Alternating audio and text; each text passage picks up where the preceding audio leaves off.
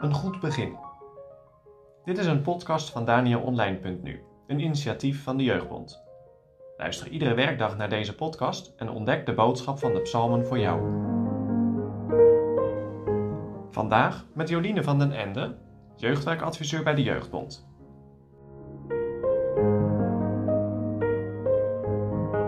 We lezen Psalm 75. Gods naam. Voor de opperzangmeester Altasjet. Een psalm, een lied voor Asaf. Wij loven u, o God. Wij loven dat uw naam nabij is. Men vertelt uw wonderen. Als ik het bestemde ambt zal ontvangen hebben, zo zal ik gans recht richten. Het land en al zijn inwoners waren versmolten, maar ik heb zijn pilaren vastgemaakt. Sela. Ik heb gezegd tot de onzinnige, wees niet onzinnig, en tot de goddeloze, verhoog de hoor niet. Verhoogt uw hoor niet omhoog, spreek niet met stijve hals. Want het verhogen komt niet uit het oosten, noch uit het westen, noch uit de woestijn. Maar God is rechter, hij vernedert deze en verhoogt gene. Want in des Heere hand is een beker, en de wijn is beroerd, vol van mengeling, en hij schenkt daaruit.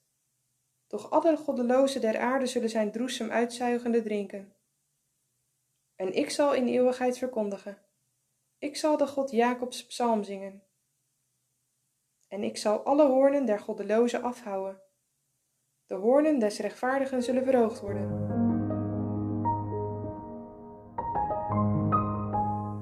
Iedereen krijgt bij zijn of haar geboorte een naam. Soms worden kinderen vernoemd. Soms zomaar een vrije naam. Maar soms kiezen ouders ook heel bewust voor een bijbelse naam. Elke naam heeft een bepaalde betekenis. Heb jij wel eens opgezocht wat jouw naam betekent? Als je dat nog nooit gedaan hebt, moet je de betekenis van jouw naam maar eens opzoeken op Google.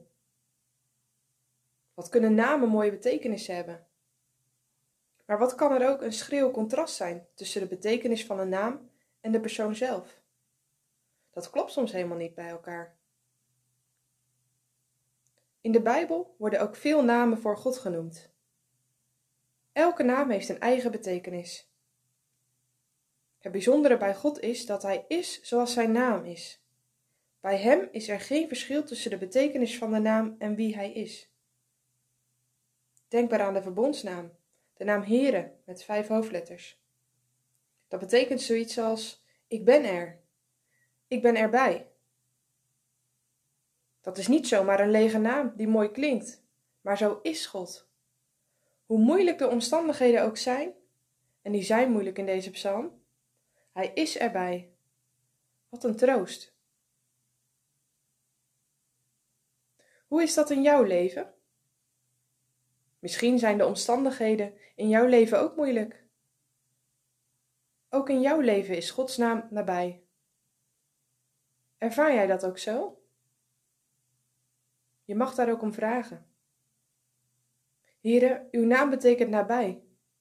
Wilt u ook in deze moeilijke omstandigheden van mijn leven troosten? Sta je er wel eens bij stil dat de Heere altijd raad weet? Laat dat eens op je inwerken.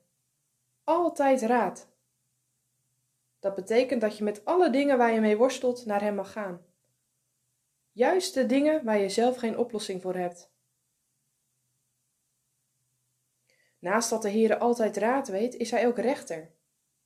In vers 8 staat dat beschreven. Maar God is rechter. Je denkt misschien wel, als God rechter is, wie zijn dan de verdachten? En wat hebben ze verkeerd gedaan? Dat kun je lezen in vers 5 en 6. De dwaze en goddeloze.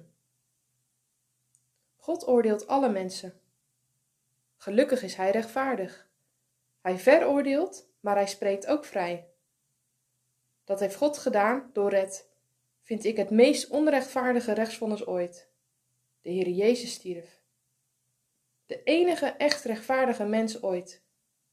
En dat voor onrechtvaardige zondaren. Zo is God. Hij zond zijn Zoon Jezus Christus, juist omdat zijn naam nabij is. Hoe kan Gods naam nabij zijn, terwijl wij zondaren zijn? Het antwoord vind je op Golgotha.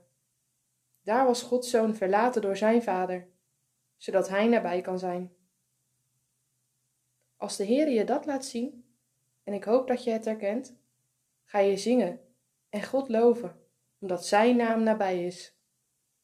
Dan zing je de psalmen voor de God van Jacob, de God van een bedrieger, die om Jezus wil gered wordt. Sta nog eens stil bij de betekenis van de verbondsnaam Here. Hoe ervaar jij die nabijheid in jouw leven?